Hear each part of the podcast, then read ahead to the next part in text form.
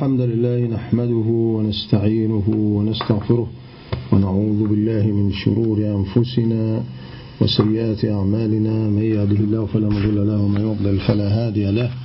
وأشهد أن لا إله إلا الله وحده لا شريك له.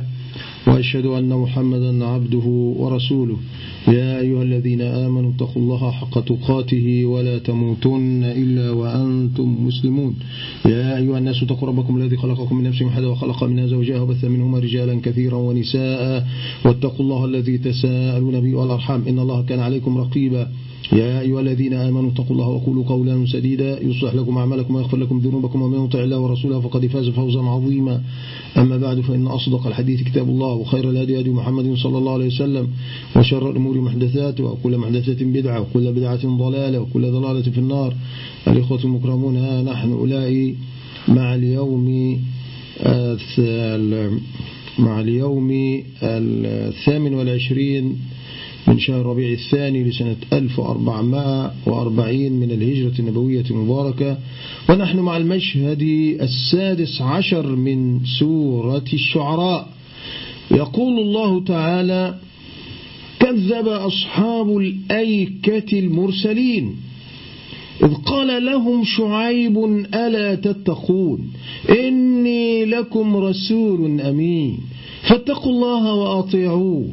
وما أسألكم عليه من أجر إن أجري إلا على رب العالمين أوفوا الكيل ولا تكونوا من المخسرين وزنوا بالقسطاس المستقيم ولا تبخسوا الناس أشياءهم ولا تعثوا في الأرض مفسدين واتقوا الذي خلقكم والجبلة الأولين.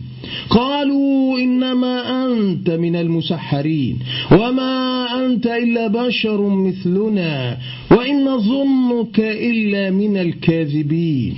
فأسقط علينا كسفا من السماء إن كنت من الصادقين.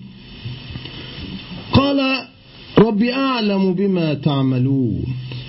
فكذبوه فكذبوه فأخاذهم عذاب يوم الظلة. إنه كان عذاب يوم عظيم. إن في ذلك لآية. وما كان أكثرهم مؤمنين. وإن ربك لهو العزيز الرحيم. هذا هو المشهد السادس عشر من سورة الشعراء الذي سندندن حوله بإذن الله تعالى. لازلنا مع هذه السورة الكريمة وهذا هؤلاء هذه الكوكبة من المرسلين. وهذه هذا القصص العظيم لهؤلاء لمسيرة هؤلاء الأنبياء العظماء الذين واجهوا الباطل وواجهوا الجاهلية وواجهوا الكفر في أزمانهم. وهو تسلية وتثبيت لرسول الله صلى الله عليه وسلم وأصحابه أيضا ولنا إلى قيام الساعة. وقلنا لكم إن هذا هذا القصص ما كان ليس مجرد حكايات هذا فقط هذا للعبرة لأخذ العبرة. وقد كان في قصصهم عبرة. هذه العبرة والعظاة لنتعظ نحن أيضا. لاحظوا بجانب التوحيد دائما تجد أن الله يرسل أنبياءه لعلاج أمراض تفشت في المجتمع. فهؤلاء قوم مدين أصحاب مدين هو قوم سيدنا شعيب هؤلاء عندهم مرض. هذا مرض اجتماعي عندهم مرض التوحيد. وهو مرض في القلب والعقل وفي كل كيان الإنسان هو أس الأمراض. ثم مرض اجتماعي أيضا. يعني مرض الاجتماعي وهو أنهم كانوا يغشون في المكاييل والأوزان. هذا مرض عام. فكل قوم لهم مرض معين كما قوم لوط تفشى فيهم تفشت فيهم هذه إتيان الذكران من العالمين. في قوم موسى عليه السلام كان أيضا تفشت فيهم وظهرت فيهم هذا السحر وخداع الناس والتخيل هذه. فكل قوم لهم مرض من الأمراض مع حتى في مع بجانب قضية التوحيد. فكانوا يعبدون الكواكب على أيام سيدنا إبراهيم ويعني وكانوا يتفننون في النجوم ومطالع النجوم ورغم ذلك فإنه جاء بالتوحيد ومعه هذا المرض. فإذا الذي يقول هناك بعض الفرق أو بعض الجماعات التي ظهرت في عصرنا يقول لك من الأفضل ألا تتكلم في أمراض المجتمع. هذا منهج مخالف لمنهج أنبياء الله. لا بد أن تتكلم عن أمراض المجتمع. لا بد أن تتكلم عن الرشوة عن الربا عن الفساد أيضا بجانب التوحيد. يعني ليست القضية أن تتكلم عن الرشوة تتكلم عن الزنا وعن الفحشاء وتتكلم عن فساد الاجتماعي والخلقي والتحلل وتترك التوحيد. لا التوحيد هو الأساس. ولكن معه يعني لا يوجد هناك لا يوجد تعارض بين أن تتكلم في توحيد وتتكلم في أمراض المجتمع. ولذلك القرآن يسلط الضوء على المرض بجوار كفرهم. أتوا بهذه. يعني عارف إنما النسيء زيادة في الكفر. يعني هم كفار وزيادة. بيعملوا أشياء زيادة عن الإيه الأمراض الاجتماعية التي كانت موجودة بينهم. لذلك قلنا من قبل قد يكون الحاكم كافرا. قد يكون مشركا قد يكون ملحدا يكون بأي شيء. ولكن قد يكون عادلا بين رعيته. لا يوجد عندهم تطفيف ولا غش ولا نقصان في المكاييل ولا الأوزان. ولكن القضية عندهم الشرك فقط لا في التوحيد فقط لكن في مجتمعهم فهم يعدلون. القرآن يتكلم عن هذه القضية هذه لها حكم وهذه القضية لها حكم لأنها بتحدث تخلل فساد بيتفسخ المجتمع هنا. فيأتي النبي النبي ليس عبارة عن واحد بيأتي من من من من من خارج المجتمع أو هو عبارة عن منظر فقط عبارة عن نظرية لا بيتكلم معهم مع أمراضهم. لذلك يعالجها ويتصدى لها وينصحهم هذا ما حدث لنبي الله شعيب. فنبي الله شعيب جاء بعد الفترة بعد ثمود يعني بعد نبي الله صالح. فالأنبياء الذين جاءوا في جزيرة العرب كانوا في منطقة جزيرة العرب وخالق بمنطقة يعني مجاورة لبعضها البعض كانت قريبة من تبوك الشام من عند أطراف الشام وعند الجزيرة العربية وعند منطقة دولة الأردن وبحيرة البحر الأسود. والمناطق هذه اللي هي ما يسمى بحيرة قارون وغير ذلك يعني منطقة على أطراف إما عند تبوك أو في أطراف الشام. وفي منطقة إيه؟ الأردن وهذه المناطق. وقيل هذا المكان قريب من صحراء النقب حاليا التابع في فلسطين المحتلة الآن. فإذا هذه هؤلاء القوم كانوا أصحاب يسمون بأصحاب الأيكة. نعم هنا في هنا تصحر الآن. بعد يقول لك كيف أصحاب الأيكة وهم في تصحر الآن؟ في صحراء. ولا يوجد هذه الأشجار و... لا نعم التغيرات المناخية وتغير الظروف هكذا لكن كان واضح أنهم كانوا في حدائق وكان في بساتين وكانوا تجارا ناجحين في ذلك الوقت لكنهم كانوا غشاشين.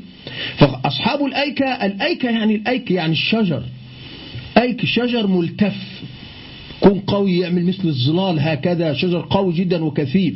فكانوا مشهورين بهذا. وقيل إنهم كانوا يعبدون الأيك أصلا يعني يتقربون يتزلفون بها إلى الله ها؟ ولكن كانوا مشركين في هذا. فهذه مشهورين هم كانوا مشهورين بهذا الشجر الملتف الذي كانوا يعبدونه أو كانوا يستظلون به وكان مشهورا عندهم. فإذا مثل حدائق بساتين وتجار في منطقة تجارية خطيرة جدا وكانوا يتكسبون كثيرا جدا ولذلك فإن الله سبحانه وتعالى لما تجاوزوا الحد وصل بهم الفساد خلاص كل شيء غش التجارة الموازين المكاييل كل شيء في فيه غش. فهنا كان خاطبهم سيدنا شعيب ليس على قضية التوحيد فقط بل أيضا على قضية أن الغش في الموازين والمكاييل. كذب أصحاب الأيكة المرسلين. قلنا لكم الذي أرسل إليهم هو شعيب فقط نبي الله شعيب فقط. لكن قلنا الذي يكذب برسول يكذب المرسلين كذب كل الرسل. كذب أصحاب الأيكة المرسلين إذ قال لهم شعيب ألا تتقون. إذ قال هنا لم يقل إذ قال لهم أخوهم شعيب كما قال في نوح وفي صالح وفي في هود وفي آه، صالح. لماذا قال هنا بدون أخ؟ إذ قال لهم شعيب ألا تتقون؟ لما يقول أخوهم شعيب ألا تتقون؟ لا هو أخوهم فعلا لكن هذا من اختصارات القرآن. يعني قلنا لكم القرآن وحدة واحدة. هنا لماذا لم يذكرها؟ لأن قلنا لكم هناك في هود قال الله تعالى وإلى مدين أخاهم شعيبة لأن ربما واحد يتفزلك ويقول لك لا هو إذا لم يكن آه، أخا لهم. لذلك لأن كل الأنبياء الذين ذكروا أخوهم أخوهم أخوهم ها؟ إلا هو هنا. ثم بعد ذلك قال هناك لا هو ربنا قال في القرآن في هود لأن القرآن واحدة واحدة لا تستطيع تقسمها كذا وإلى مدين أخاهم شعيبة. قال يا قوم اعبدوا الله ما لكم من إله غيره. إذا لم يذكرهم يذكرهم بالتوحيد بالمكاييل فقط الآن. لأن هنا في هذه الآية يقول في سورة الشعراء كذب أصحاب الأيكة المرسلين إذ قال لهم شعيب ألا تتقون إني رسول لكم رسول أمين فاتقوا الله واطيعون وما أسألكم عليه من أجر إن أجري إلا على رب العالمين الدباجة التي يقولها كل نبي لإبراء ذمته لإبراء نفسه وبين لهم أنا لا أريد منكم أجرا وأريد منكم شيئا أنا رسول من رب العالمين ثم ختم. أوفوا الكيل ولا تكونوا من المخسرين. هنا في الشرع لكن هناك واحد يقول إيه؟ طب ما لم يدعوهم إلى التوحيد هنا. لكن لا هو دعاهم هناك في هود. عندما قال وإلى مدين أخاهم شعيبة قال يا قوم اعبدوا الله ما لكم من إله غيره. توحيد. ولا تنقصوا المكيال والميزان. إني أراكم بخير وإني أخاف عليكم عذاب يوم محيط. إذا توحيد مع المرض المجتمع اللي هو المرض الاجتماعي. مرض اجتماعي مفسدون مع بعضهم البعض. خلل خلل في في الغش ودمار للفقراء ويعني طبقة معينة من المنتفعين من التجار المستغلين المحتكرين ويغشون في كل شيء فيموت الفقير هنا. فالإسلام جاء ليعالج أنبياء الله جميعا. هم يعالج مثل هذه الحالات. لا تقول لي أهرب من المجتمع لأن بعض الجماعات تقول لك لا فقهيات لا سياسيات لا خلافيات لا تناقش أمراض المجتمع. بعض الجماعات اللي هي مثل أقرب إلى التصوف منها هكذا تقول حتى لا تصطدم بالمجتمع. إيش هذا؟ المجتمع أنت بتتكلم من؟ هذا مخالف لأن ما منهج أنبياء الله. هذا هو نبي الله. شعيب كل أنبياء الله كانوا يتكلمون عن أمراض مجتمعهم إذن فهدى وإلى مدين أخاهم شعيبة. كلامهم في التوحيد. وهنا كذب أصحاب الأيكة المرسلين. عندما قال لهم ولا تنقصوا المكيال والميزان. إني أراكم بخير. إني أراكم بخير هنا ليس معنى تزكية لهم. إني أراكم بخير عندكم مال يعني. الخير أحيانا بيذكر بمعنى المال. ها؟ إن ترك خيرا فللو... موضوع الوصية. فلوالدي خيرا ترك ميراثا مالا. يعني فالخير المال معناه أحيانا بمعنى الخير الأصلي فيه معنى المال. فإذا وكل ما هو نافع بعد ذلك ولكن هو مني أراكم بخير. أنتم أغنياء ومبسوطين يعني ما شاء الله. ها؟ وإني أخاف عليكم عذاب يوم محيط. سيحيط بكم. هذا يعني يحاصركم حصرا. ورغم ذلك. استخفوا به. وأوفوا الكيلة ولا تكونوا من المخسرين. أنا لا أحكي لكم تفاصيل ما يقوله المفسرون من أنواع الغش وكيف كانوا يفعلون. كل هذا يعني المهم في النهاية دعك من الطريقة التي يغشون بها. ولكن المهم كانوا يغشون وأنهم كانوا يطففون ويغشون في الموازين والمكاييل ويضحكون ويكذبون على الناس. هذا هو المهم هذا هو هذا هو العنوان العريض دعك من التفاصيل. أوفوا الكيل ولا تكونوا من المخسرين. يخسرون الناس لا يعطونهم حقهم. وزنوا بالقسطاس المستقيم قسطاس الميزان الحق.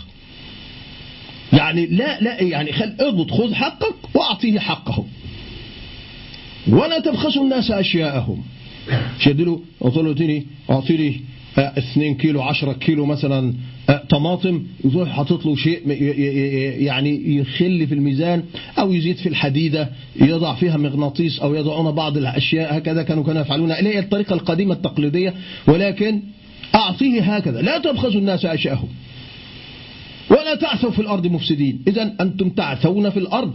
تفسدون في الأرض من خلال الغش. وهذا هو ما يسمى احتكار الأدوية احتكار الأغذية. احتكار. أمريكا كانت تحتكر الأدوية والأغذية.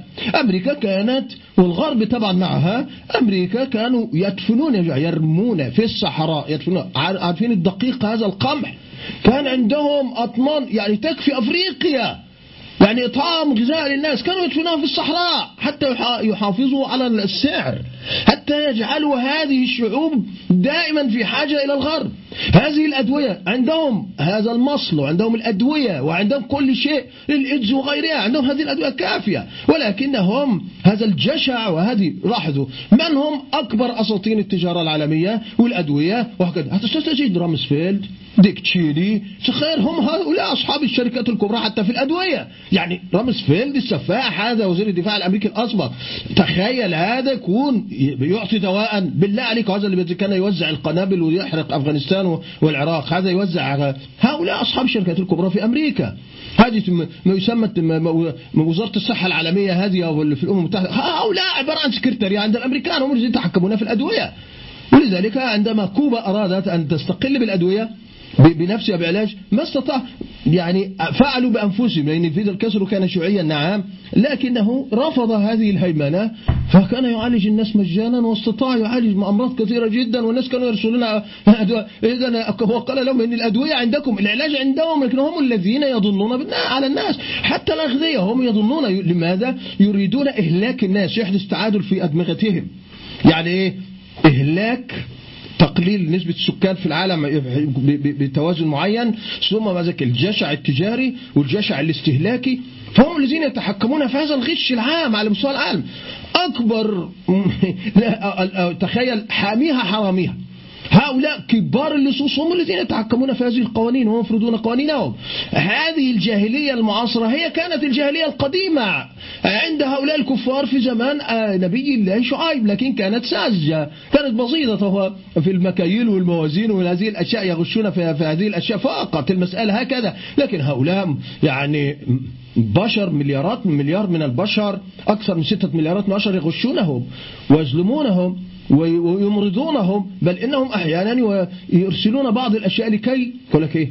مرض إنفلونزا الخنازير مرض إنفلونزا الطيور مرض مش عارف إيه يطلعوا لك اختراعات. هذا ويتضح إن الموضوع كان العالم كله كان مغشوشا. هم كانوا يضحكون على الناس بجاي يبيعوا مصلا معينا وأدوية معينة مليارات في جيوبهم من أجل هذا الغش. الناس تروح يقتلون الفراخ والدجاج أحياء.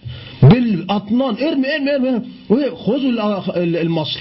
يجب أن تطعم. ليه لماذا تشتري المصل. لابد أن تشتري. منظمة الصحة العالمية ستشتري. أين ستشتري. من شركات الأدوية. من الذي يتحكم في شركة الأدوية؟ هي شركات السلاح أيضا. يضحكون علينا أين؟ هذه انفلونزا الخنازير؟ أين هذه ما يسمى آه، جنون البقر والدواجن والمش عارف؟ أنتم الذين أفسدتم البيئة. أنتم الذين تدخلتم في كل شيء. الله سبحانه وتعالى خلق كل شيء بقدر. الله سبحانه جعل كل شيء بقدر. ولكن أنتم الذين تتدخلون فلذلك تفسدون ما أراد الله سبحانه أن يستقيم. التعادل هذا بين البيئة في جميع كل شيء. يتدخل الإنسان فهنا يأتي النبي ويبين لهم أن هذا لا يجوز. يا قوم يحذرهم. طبعا نبي الله شعيب لم يكن عنده القوة ولم يكن عنده يعني يستطيع أن يواجههم يأمر بالقوة ولكن كان لوحده بمفرده ومجموعة ثلة قليلة من المستضعفين. ولذلك قال لهم ولا تعثوا في الأرض مفسدين واتقوا الذي خلقكم والجبلة الأولين اتقوا الذي خلقكم والأقوام السابقين. اتقوا خافوا الله سبحانه وتعالى. ماذا ماذا هذا الجشع؟ وأنتم المشكلة أنهم أغنياء. مثل ما يحدث الآن في عصرنا. شركات والناس أغنياء فعلا. ورغم ذلك جشعون جدا يمرضون الناس ويدمرون ويخربون على الناس بسبب هذه الأدوية. بسبب غلاء الأدوية. الناس هناك أناس يموتون ويهلكون في بعض المستشفيات بسبب أن ليس لديهم الضمان الاجتماعي مثلا أو ليس لديهم علاج الأدوية أنا أعرف أحد الأشخاص كان مريضا بالسرطان ولكن كان يأخذ هذه الحقنة غالية جدا. فقالوا ليس عندك الضمان الاجتماعي الآن ولا نستطيع أن نعطيك هذه الحقنة. وفعلا يبحث عن البديل فهو بديل ليس مناسبا. لأن ومات رحمة الله عليه. فإذا هي بسبب هذا بسبب هذا الإهمال بسبب إيه؟ أنك معك فلوس يعطيك. إذا لم يكن معك فلوس بشرية منحطة. هذه خنزرة بشرية. انحطاط أقل من الخ... يعني والله الخنزير بغريزته هو أفضل منه. هؤلاء. هذه الوحوش البشرية التي تتحكم في العالم الآن. فهو واجه هذه هؤلاء الوحوش في مدين في ذلك الوقت نبي الله شعيب وقال لهم اتقوا الجبلة اتقوا الذي خلقهم والجبلة الأولين. ماذا قالوا له؟ قالوا إيش الجواب؟ قالوا إنما أنت من المسحرين. وما أنت إلا بشر مثلنا. وإن ظنك لمن الكاذبين. نفس الكلام. اسطوانة مشروخة في كل هؤلاء. في في الشعراء نفسها في نفس هذه السورة قالوا قال موسى إن هذا لساحر عليم. يريد أن يخرجكم من أرضكم فماذا تأمرون؟ فرعون يأمر يقول عن نبي الله إنه هو ساحر عليم خبير ها هو اتهموا وقالوا عن رسول الله صلى الله عليه وسلم أنه ساحر. دائما يتهمونهم بالجنون أو السحر هكذا.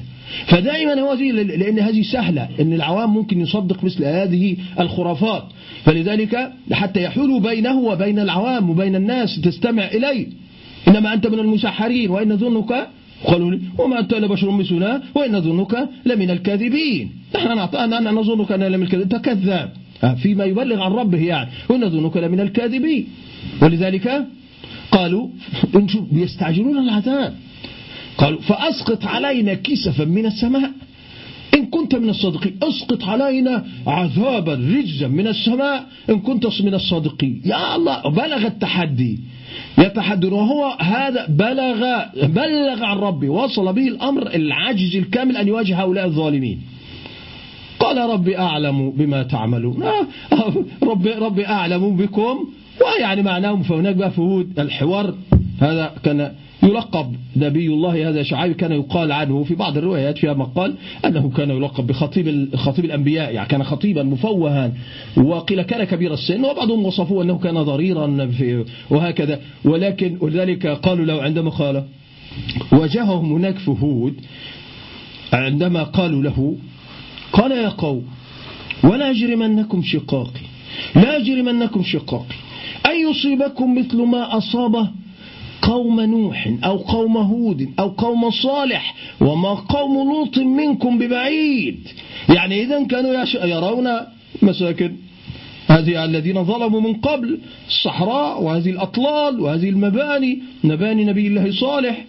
ها؟ التي رقص فيها آل سعود وهذا دعنا نبي نبي الصالح واحد اللي يقول لك إيه؟ هؤلاء القوم الصالحون. جاء المغني ليشهد ويرقص في عند إيه؟ آثار أو أطلال نبي الله صالح. اللي القوم على يقصدون على ثمود. قوم صالحون. أو قوم كفار. سوى تخيل. أقول لك جاهلية عمياء. وما قوم لوط منكم ببعيد. أنتم تعرفون ماذا حل بقوم لوط. يعني اتقوا الله. يعني اذا كانت عندهم معلومات.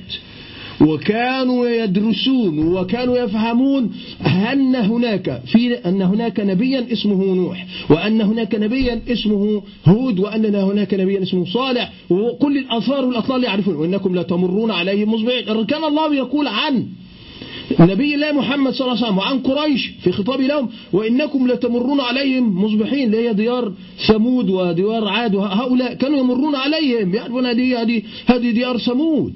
وذلك الرسول لما حذرهم بالدخول بها يعني فيها ومدين وأطلال مدين كانت أمامهم يعلمونها ويعلمون الأثار فيها ونبي الله شعب يذكرهم بالذين سبقوهم. ولكن ماذا فعلوا؟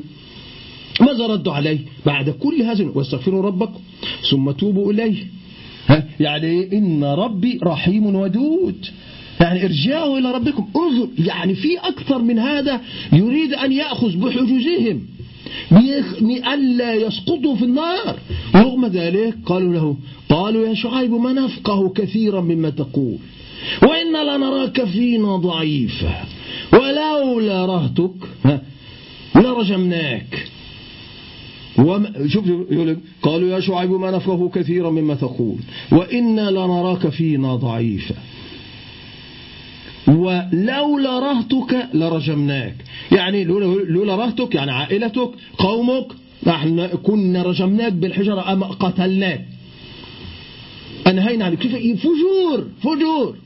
قال يا قوم يا رهتي أعز عليكم من الله واتخذتموه وراءكم ظهريا. يعني وصل بكم الأمر.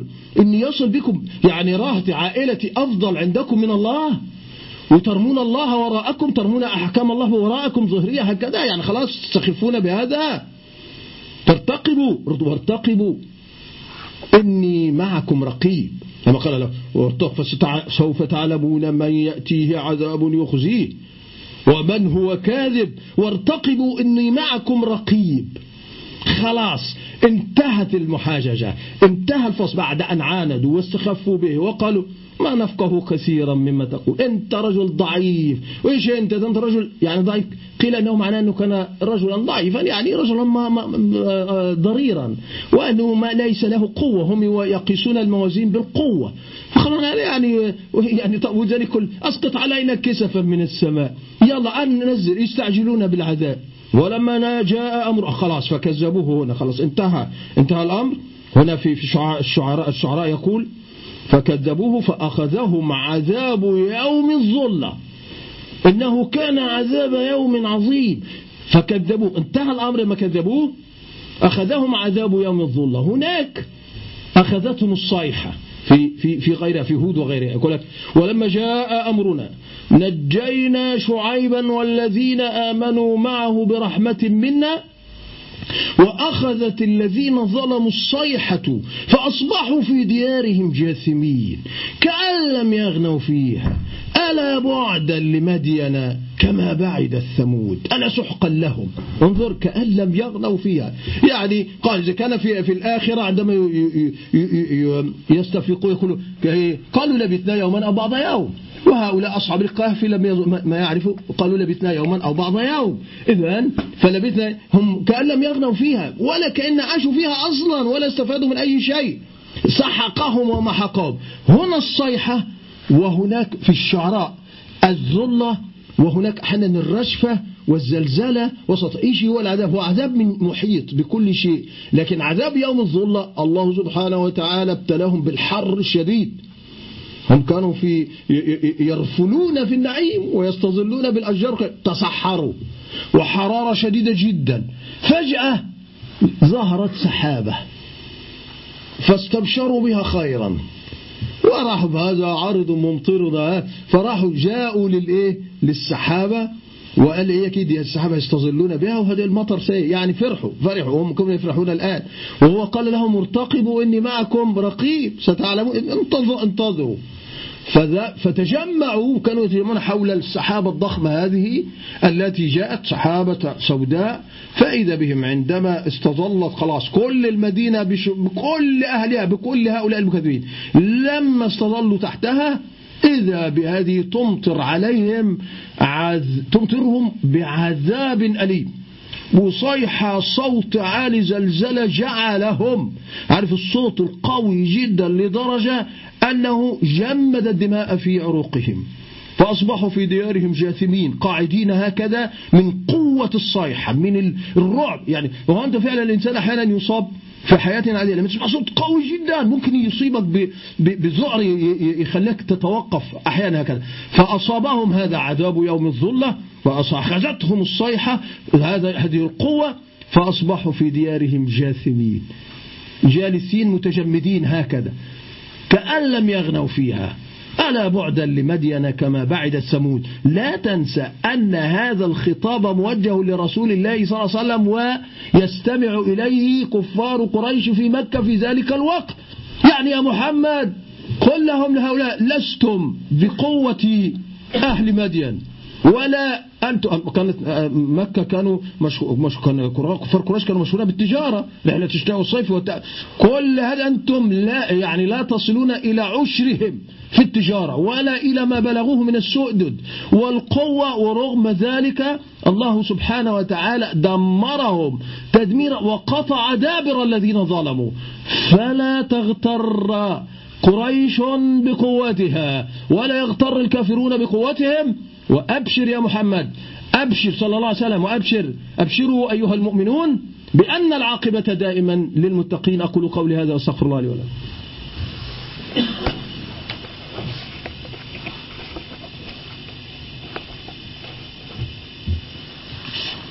إن الحمد لله نحمده ونستعينه ونستغفره. نثنى عليه الخير كله نشكره لا نكفره ونخلع ونترك من يفجره. اللهم إياك نعبد ولك نصلي ونسجد ولك نسعى ونحفد نرجو رحمتك ونخشى عذابك. إن عذابك الجد بالكفر ملحق وأشهد أن لا إله إلا الله وحده لا شريك له وأشهد أن محمدا عبده ورسوله وبعد. طبعا هذا الأسبوع كان مفعما بأحداث كثيرة كالعادة طبعا وكان من ضمن هذا رأس السنة طبعا. السنة كانت كانت لها رأس طبعا وهذا الرأس دائما عبارة عن خمور تقطر. وفساد وعري وعربدة ولا يوجد يوم في السنة. أكثر أكثر معصية لله من هذا اليوم. فجور الزنا خمور بتراق هذه الخمور. أموال حتى الأموال العادية المفرقعات هذه. والله هذه الأموال المفرقعات التي تنفق على جميع القارات والبلاد هذه التي يفرقعون بها الألوان هذه. هذه الأموال تنفق على قرى كاملة جياع. فقط لكي يتلذذوا وينعموا ويفرحون والآخرون جائعون. لو كان في يعني أن هناك من يسد رمق هؤلاء الجياع الفقراء في العالم. نعم افرح يا سيدي. ولكن هؤلاء أن هذه أموال الطائلة بالإضافة إلى الخمور والفجور المشكلة في العالم الإسلامي أيضا. مشكلة دعك من هؤلاء. هم يعني يعني لا حدث ولا حرج. هم الذين يخترعون ديانة من عندهم. وقلنا لكم إن لا يوجد حدث اسمها لا كريسماس ولا رأس السنة ولا أي شيء كانت عند حتى المسيحية وعند النصرانية. والبابا عندهم بابا الكاثوليك يقول إن هذه بدعة وأموال تنفق بهذه إهدار أموال. هو نفسه يقول لنا بدعة. ها نحن الذين نقول بدعة. النصارى أنفسهم كبيرهم الحبر الأعظم عندهم يقول إنها بدعة. وأنا لي خطب قديمة في هذا الموضوع. الموضوع. لكن الشاهد هنا ما حدث ما يحدث في العالم الإسلامي أنا لا نتكلم عن سدوم وأنتم تعرفون سدوم. كل واحد عارف من هي سدوم. سدوم هي أبو ظبي. هي الإمارات يعني دولة الإمارات ولكن رأس سدوم هذه هي أبو ظبي وأبو دبي كل هذه سدوم. هؤلاء حدث عنهم ولا حرج. أكبر جزجة خمر أكبر دعارة مستنقع الدعارة في العالم. وأكر الأشرار في العالم والبلطجة وغير ذلك وتغسيل الأموال الموجودة في هذه هذه الدوائل القرمطية يعني السلالة لا نعرف من أين أتوا أصلا. لكن المشكلة بلاد الحرمين جزيرة العرب هذه الذي تحدث فيه لا يجتمع دينان في في في جزيرة العرب. هذه الأرض والله يا جماعة لم يحدث في تاريخ الممالك الإسلامية وتاريخ حتى في الصليبيين ولا التتار أن دخلوا الحرمين. تخيل؟ لم يدخلوا هؤلاء يعني يعملوا أي شيء. أقصى شيء حدث كان من أيام القرامطة هؤلاء المجرمون لأنهم محسوبون كانوا محسوبين على الملة وكانوا من من الشيعة أصلا هؤلاء القرامطة لما دخلوا في وقتلوا الحجيج وأخذوها في منطقة البحرين هناك وأخذوا الحجر الأسود وظل عندهم أكثر من 22 سنة. هؤلاء هؤلاء فقط الذي حدث حدث من رمي الكعبة بالمنجنيق لم يحدث إلا من مسلمين من منتسبين الإسلام. لاحظوا. لكن لم يحدث من عدو خارجي أن أحدهم دخل ودمر الكعبة مثل أما أحدهم دخل وأفسد وقتل الحجيج هكذا لم يحدث. من هذا تاريخيا لم يحدث هذا للاقتحام هذا دائما من عدو داخلي. لا لا يكون محمد علي باشا المجرم هذا لما أرسل ابنه إلى الضرعية وقتل جماعة الشيخ محمد عبد الوهاب وأولاده وهؤلاء هؤلاء المسلمين وسبوا الحرائر. في وأرسلوهم يباعون يباعون في في في صعيد مصر. هؤلاء لما دخلوا من, من لأنهم من أهل الملة من نفس الملة. ذلك العدو الخطير. الداخلي هذا خطير جدا. عدو الداخلي القريب منك. أما العدو الخارجي ماذا فعلوا؟ كانوا يهابون. وحاول البرتغال أن يدخلوا لم يستطيعوا. حاول الصليبيون أن يدخلوا إلى المدينة لم يستطيعوا. كل المحاولات التي تمت إلى بعضهم يتآمر على أنه يأتي يحرق قبر النبي صلى الله عليه وسلم. وينسفون ما استطاعوا. لم يحدث هذا إلا على أيدي هؤلاء الأنجاس. هؤلاء الخونة. هذه سلالة آل سعود والذي على رأسهم هذا الولد المجرم. الكفور المرتد الخائن يعني كافر وخائن وكافر وليس عنده مروءة كافر وقواد يا جماعة والله قواد بينشر. إن الله يحبون أن تشاء الفاحشة في الذين آمنوا مجتمع محافظ متدين حتى بعجره وبجره. تعريه فجأة تريدوا تشليح النساء هذا هو التقدم يعني عندكم؟ ثم تأتي ثالثة الأثافي أن يعمل لك يتركون البلاد طولا وعرضا. يعني البلاد كانت مرتعا للصليبيين من الرياض وغيرها. حتى الدرعية يا جماعة. الدرعية هذه كانت معقل. أبناء الشيخ محمد أبو وهاب اللي انطلق منها الدعوة دعوة دعوة التوحيد. هذه كانت في الدرعية. قبلها في الدرعية عملوا حفلة ماجنة. في الدرعية. لاحظ. والدرعية هناك قريبة من الرياض. هناك في الرياض. تابع الرياض. تخيل معقل الشيخ يريد تحطيم يريد تحطيم. يقول لك يا ترامب يا أمريكان يا غرب يا صهيون يا كل الناس أنا أستطيع تحطيم هذه الصنمية التي تدخل. لا عندي لا يوجد محظورات عندي. هذه معقل الوهابيين معقل السلفيين معقل الدعوة الإسلامية في درعية. خربها بهذا الفساد مجون وأنا لا أدري من أين أتوا بهؤلاء المخنثين والمخنثات. وزال ذلك للأسف الشديد هذه هذا الفساد منظم. آل سعود اللي هي الطبقة الحاكمة من آل سعود ده أقصد الشعب كلها يعني هنا شعب مسلم بقيت شعوب يعني ولكن هناك طبقة هذه التي تظهر الآن هذه التي أرسلوا أولادهم إلى الغرب لأن معظمهم حتى في طبقات متوسطة أنهم ليسوا من أبناء الأمراء ولا شيء أرسلوا إلى أولاد لا تجد أحدا إلا من رحم ربي. ذهب تعلم في الغرب ورجع سليما. تجدوا عربدة وفساد وإجرام وكلام وانحطاط وحرب على الإسلام. هذه الطبقة التي نراها حاليا اللي هي الذين أرسلوا أولادهم. في الغرب سواء وكانوا يحبون أمريكا بصفة خاصة طبعا ومنهم يحب فرنسا ويحب هنا بريطانيا أيضا ولكن معظمهم كانوا يحبون أمريكا. فهؤلاء رجل طبقة من أجرم خلق الله. معادية كرهة للإسلام يا جماعة طبقة حقيرة جدا. وتكلمت عن موضوع المعارضة عندهم. لا يوجد معارضة بالمعنى. هذه معارضة يعني أقرب للعلمانية. لا هي إسلامي ولا إلا يعني بعض الأشخاص كما حكيت لكم. فإذا بهم لأن الرجل جرب اعتقل لهم العلماء أرسل الفحش وعمل كل هذه المصايب والكوارث. فجأة لا لا اعتراض لا تظاهرات لا احتجاج. ليه؟ لأن العلماء الذين اعتقلوا والذين اعتقلوا هم الذين كرسوا للناس هذه الجريمة. لماذا؟ قالوا يحرم التظاهر على ولي الأمر. طب اشربوا أنتم ولي الأمر. أهو وضعكم في السجون. اشربوه حنظلا. ذوقوا. ما كتبتموه وما اقترفتموه في حق الأمة. قلتم تحريم التظاهرات على على الولي الأمر. أهو ولي الأمر اعتقلكم ويعتقل الإسلام. الإسلام نفسه بيعتقل في أرض الحرمين. ولم يبخي أحدا ها إلا من يسبح بحمده. هذا تخيل هذا الشقي المريض العربيد هذا هو الذي يتحكم في أرض الحرمين وهذه الأموال الرهيبة. فإذا به عدوان يا جماعة معروف تاريخيا المدينة كان الناس لها يقول لك طابع أهل المدينة أنهم هادئون وأنهم أفضل من أهل مكة حتى من ناحية الهدوء والناس كانت تحب أهل المدينة كثيرا التدين فيهم أكثر وهكذا. لكن اتضح العملية اختلط الحابل عن نابل.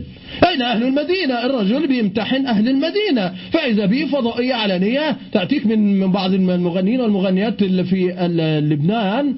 طبعا لبنان مصدر الإجرام ومصدر الغناء والتغنج والإفساد مع مصر ومع كل الدول العربية لكن لبنان لها خاصية إلا من رحم ربي. يعني أنا بتكلم على طبقة المفسدين المغنين والممثلين يعني على الأقل شوف تخيل من أجل المال هؤلاء ألا تح... يعني ألا تخافون الله؟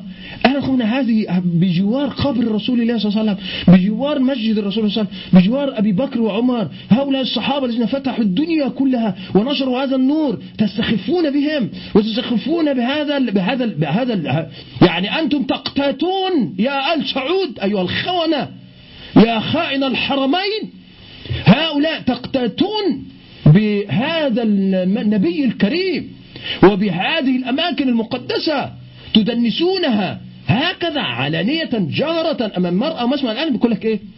في الفيديو الأغاني والممثلات طب أتوا طب يا جماعة هذه كانت في المدينة.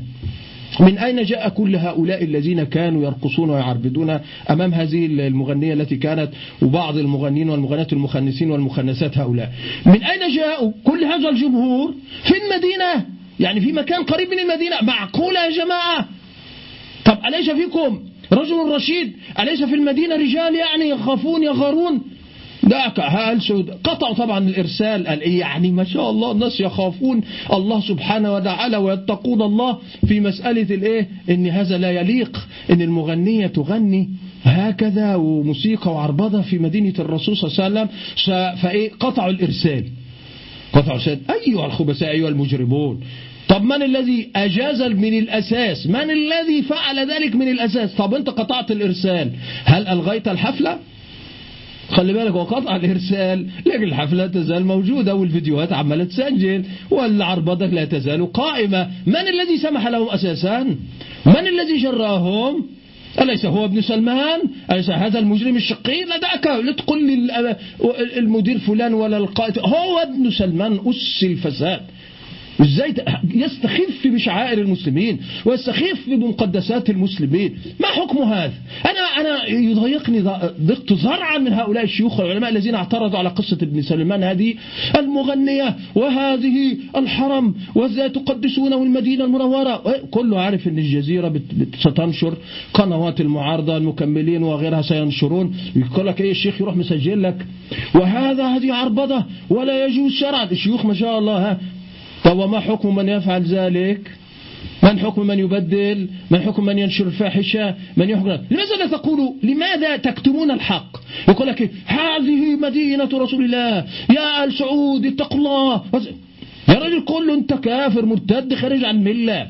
هذا أين الحكم الشرعي؟ لماذا تخفون الأحكام الشرعية عن الناس؟ لماذا تدلسون على الناس؟ هذه جريمة عادية. هؤلاء يستحلون الحرمات. هؤلاء يستحلون يا رجل من كل الموبقات ارتكبوا عدوان على الدين. مقاصد الشريعة كلها. عدوان على الدين عدوان على النفس عدوان على العقول على الأعراض. وعلى الثروات. إيش يعني؟ ما ماذا تبقى من مقاصد الشريعة التي لم يقم بها هؤلاء السعود ومن يشايعهم من هؤلاء الحكام؟ لماذا لا تقولون الحقيقة؟ لماذا لا يقول هؤلاء لماذا تكتمون يا ملح البلد؟ لماذا تكتمون أيها العلماء أيها الشيوخ أيها الدعاء لا تقولون. لا لا شوف لا تضحك علي بقول إنك بتعترض وتقول هذه جريمة نكراء عيب هذا. لا يجوز هذا. دعك من عيب ويجوز وقد. هذا هذا حكم إيش؟ رأس الفساد. هذا حكم مرتد خائن. هذا دعكم من هذا. هذا اليوم يوم المواجهة. كما يدرسون في حروب العصابات وحروب العسكر. في عندك نظريات يقولون إيه؟ عندما يكون العدو بعيدا عنك فإنك تتخاطب مع جنودك بالشفرة. تقول إيه؟ الثعبان قادم. آه، رأس الحية مش عارف إيه يعني يقول لك إيه؟ حاجات في البير والبئر يعمل لك ألغاز كده لكن إذا كان العدو عدو بينك وبينه مسافة أنت مواجهة. ستقول إيه؟ الصخر مش عارف والحية قريبة. قريبة إيه؟ قل له العدو موجود. ابن سلمان أمامك الآن. لا نحتاج إلى تورية الآن. قل له هذا مرتد خائن عن الشريعة يا جماعة مع هذا التدليس الذي يحدث؟ هذه هذه مدينة رسول الله. أنا هنا العيب إذا أنا لا أقبل هذه الأعذار التي تقال عن أهل المدينة بصفة خاصة. يقول لك ماذا عساهم أن يفعلوا؟ طب يلبسوا طرح. يعملوا مثل النسوان. خلاص قولوا انك نسوان. يعني أنتم بالله عليكم أنا أنا كنت بنراها في هذه في لو كانت في باكستان. جماعة صوفية يا جماعة. جماعة صوفية والله قامت قامت الدنيا لم تقعدها من أجل أن المحكمة لم تحكم على حكمت بالإعدام. كان المفروض تحكم على واحدة تغيرت تثبت الإسلام فأبطلت الحكم من أجل الضغوط يعني الغربية. فقامت من الذي قاد الثورات والمظاهرات هذه منذ شهر أو أكثر؟ من الذي قام؟ صوفية يا جماعة. وليس جماعة سلفية ولا شيء طب أنتم مدينة رسول الله تدنس.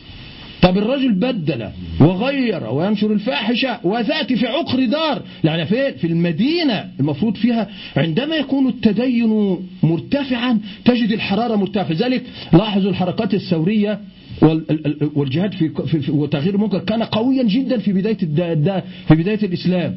كانوا يستنكرون على أي واحد أو حتى لو كان من الخلفاء الراشدين يعترضون عليهم ويصرون ويعملون. ليه لكن التدين يجعلك يدفعك إلى الاعتراض ويدفعك إلى الوصول إلى الحق. لا تكتم هذا. أما هؤلاء موات تقول لي ما هل وجدتم تظاهرة واحدة حتى خرجت من المسجد النبوي؟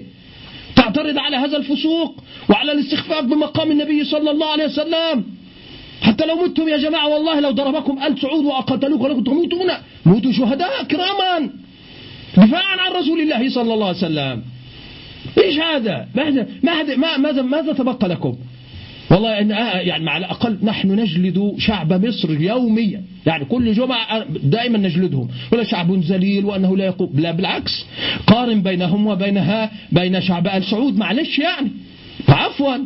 هؤلاء مئة ألف في السجون الناس تقتل وقاموا وفعلوا فعلا بقدر استطاعت ولا يزالون أحيانا يخرجون ويناوشون ويسبون ويشتمون ويتظاهرون ضد هذا النظام المجرم. أنتم صم بكمون الجزيرة بأسرها. كل هذا أهل مكة لا يخرجون ولا المدينة لا يخرجون. إيش يعني؟ ما فائدة, ما فائدة هذا التدين؟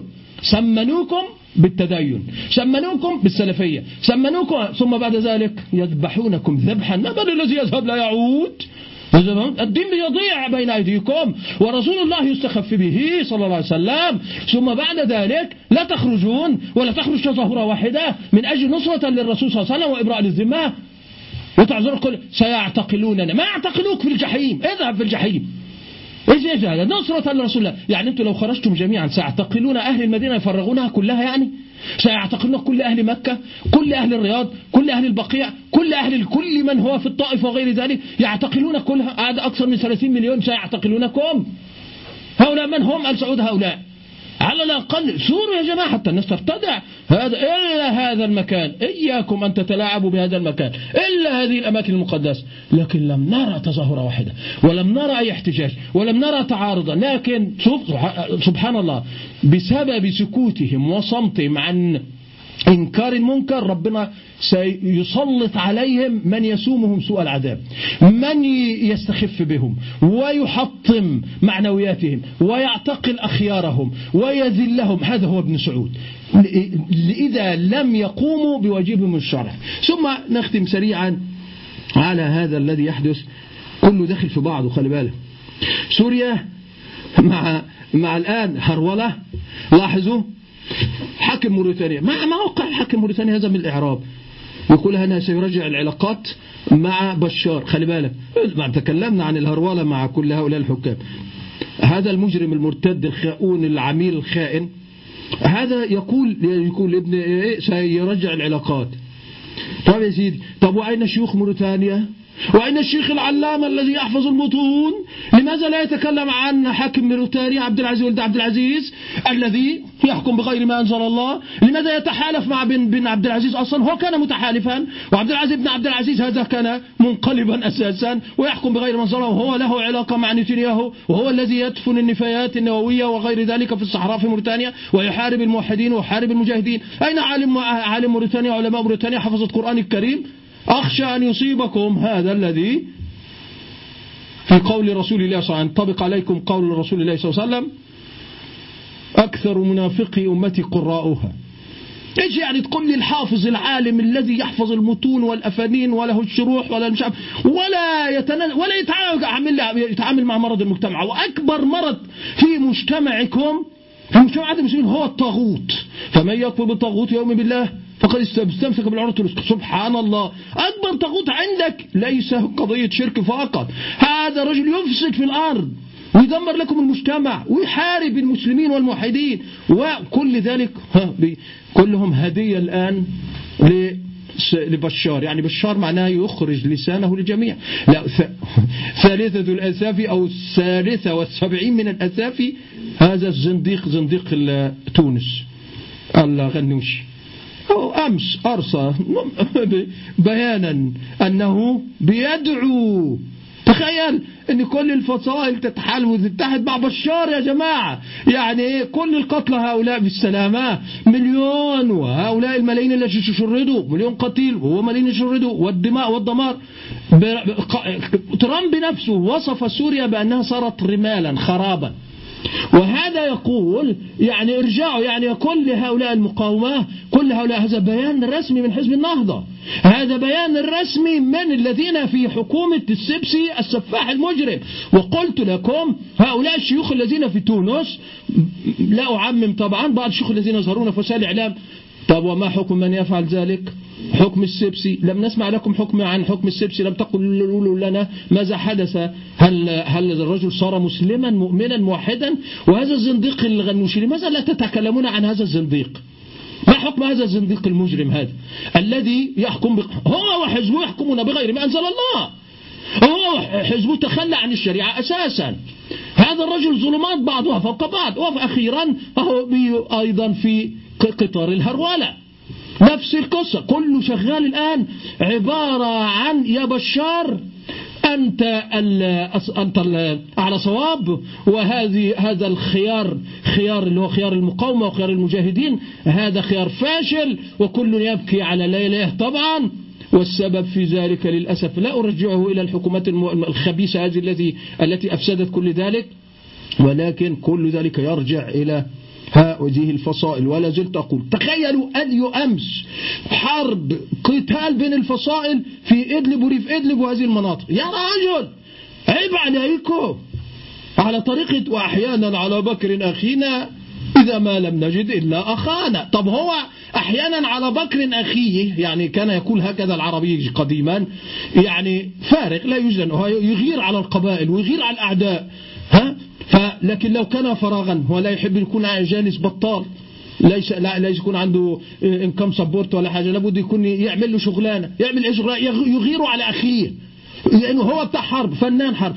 يغير على الأعداء. إذا لم يجد أي عدو يخترع قصة ويحارب أخاه. هؤلاء لاحظوا تركوا كل الأعداء ما أكثرهم في سوريا. سيناريو التقسيم وكل شيء في الدمار وإدلب خلاص يا جماعة صدقوني عملية كل واحدة واحدة. يعني خطوة خطوة والآن كل الأمور يعني الآن على نار باردة وهادئة كله سيرجع مرة أخرى وسيقزمونكم وديتون قادم وسيشردون بكم. ورغم ذلك الأسلحة الثقيلة خرجت بين بعض هذه الفصول تخيلوا الأسلحة الثقيلة كانوا يظنون بها الآن يضربون بعضهم بالأسلحة الثقيلة يا سبحان الله أليس فيكم رجل رشيد؟ معقولة يا جماعة؟ لا لا تنظرون إلا في الأخبار وفي الأخبار. ما هذه ما هذه الأنانية؟ ما هذا الذي يحدث؟ نقضتم غزلكم بأيديكم. ولا تنازعوا فتفشلوا وتذهب ريحكم. تنازعتم ففشلتم وللأسف أخشى أن تذهب ريحكم على الإطلاق إذا لم تستفيقوا حتى البقية البقية. البقية البقية يا جماعة. كل العالم الآن يضربنا عن بقوس واحدة. كل لا الآن كله حتى بشار من ثمان سنوات الآن سيرجعونه إلى جامعة الدول العربية. كل الدول تهرول الآن. حتى الجماعات اللي هي متميعة هذه متآكلة عقديا الآن فعلا سترجع إلى بشار. هذا الرجل اللي هناك خاتمي واللي هم أقصد خمئني والنضر يخرجون ألسنتهم. يقولون كلهم رجعوا الآن صاغرين. كلهم عرفوا أننا المقاومة. هذا الدجال المجرم الرافضي يضحك عليكم جميعا ويشمت بكم. يشمت حزب الله يشمت بنا. هؤلاء الروافض العراق يشمتون بنا. كل هؤلاء يشمتون الآن. يقول لك خلاص انتصرنا. انتصرنا على هم لا يقصدون انتصرنا على هم انتصروا على الحكام المجرمين. انتصروا على الجيوش الخبيثة. لكن هم يقصدون انتصرنا على الإسلام يقصدون على أهل السنة يقصدون على الإسلام الحقيقي هم يقصدون ذلك. وأن هذا هذا هو دين الروافض هو قادم. سوريا الآن في ترفض نسأل الله العظيم رب العرش العظيم أن يتغمدنا برحمته وينصر الإسلام ويعز المسلمين. اللهم عليك بتوغيت العرب والعجم ولهم اللهم عليك بهم وخذهم أخذ عديم مقتدر رب العالمين. آمين آمين وأقم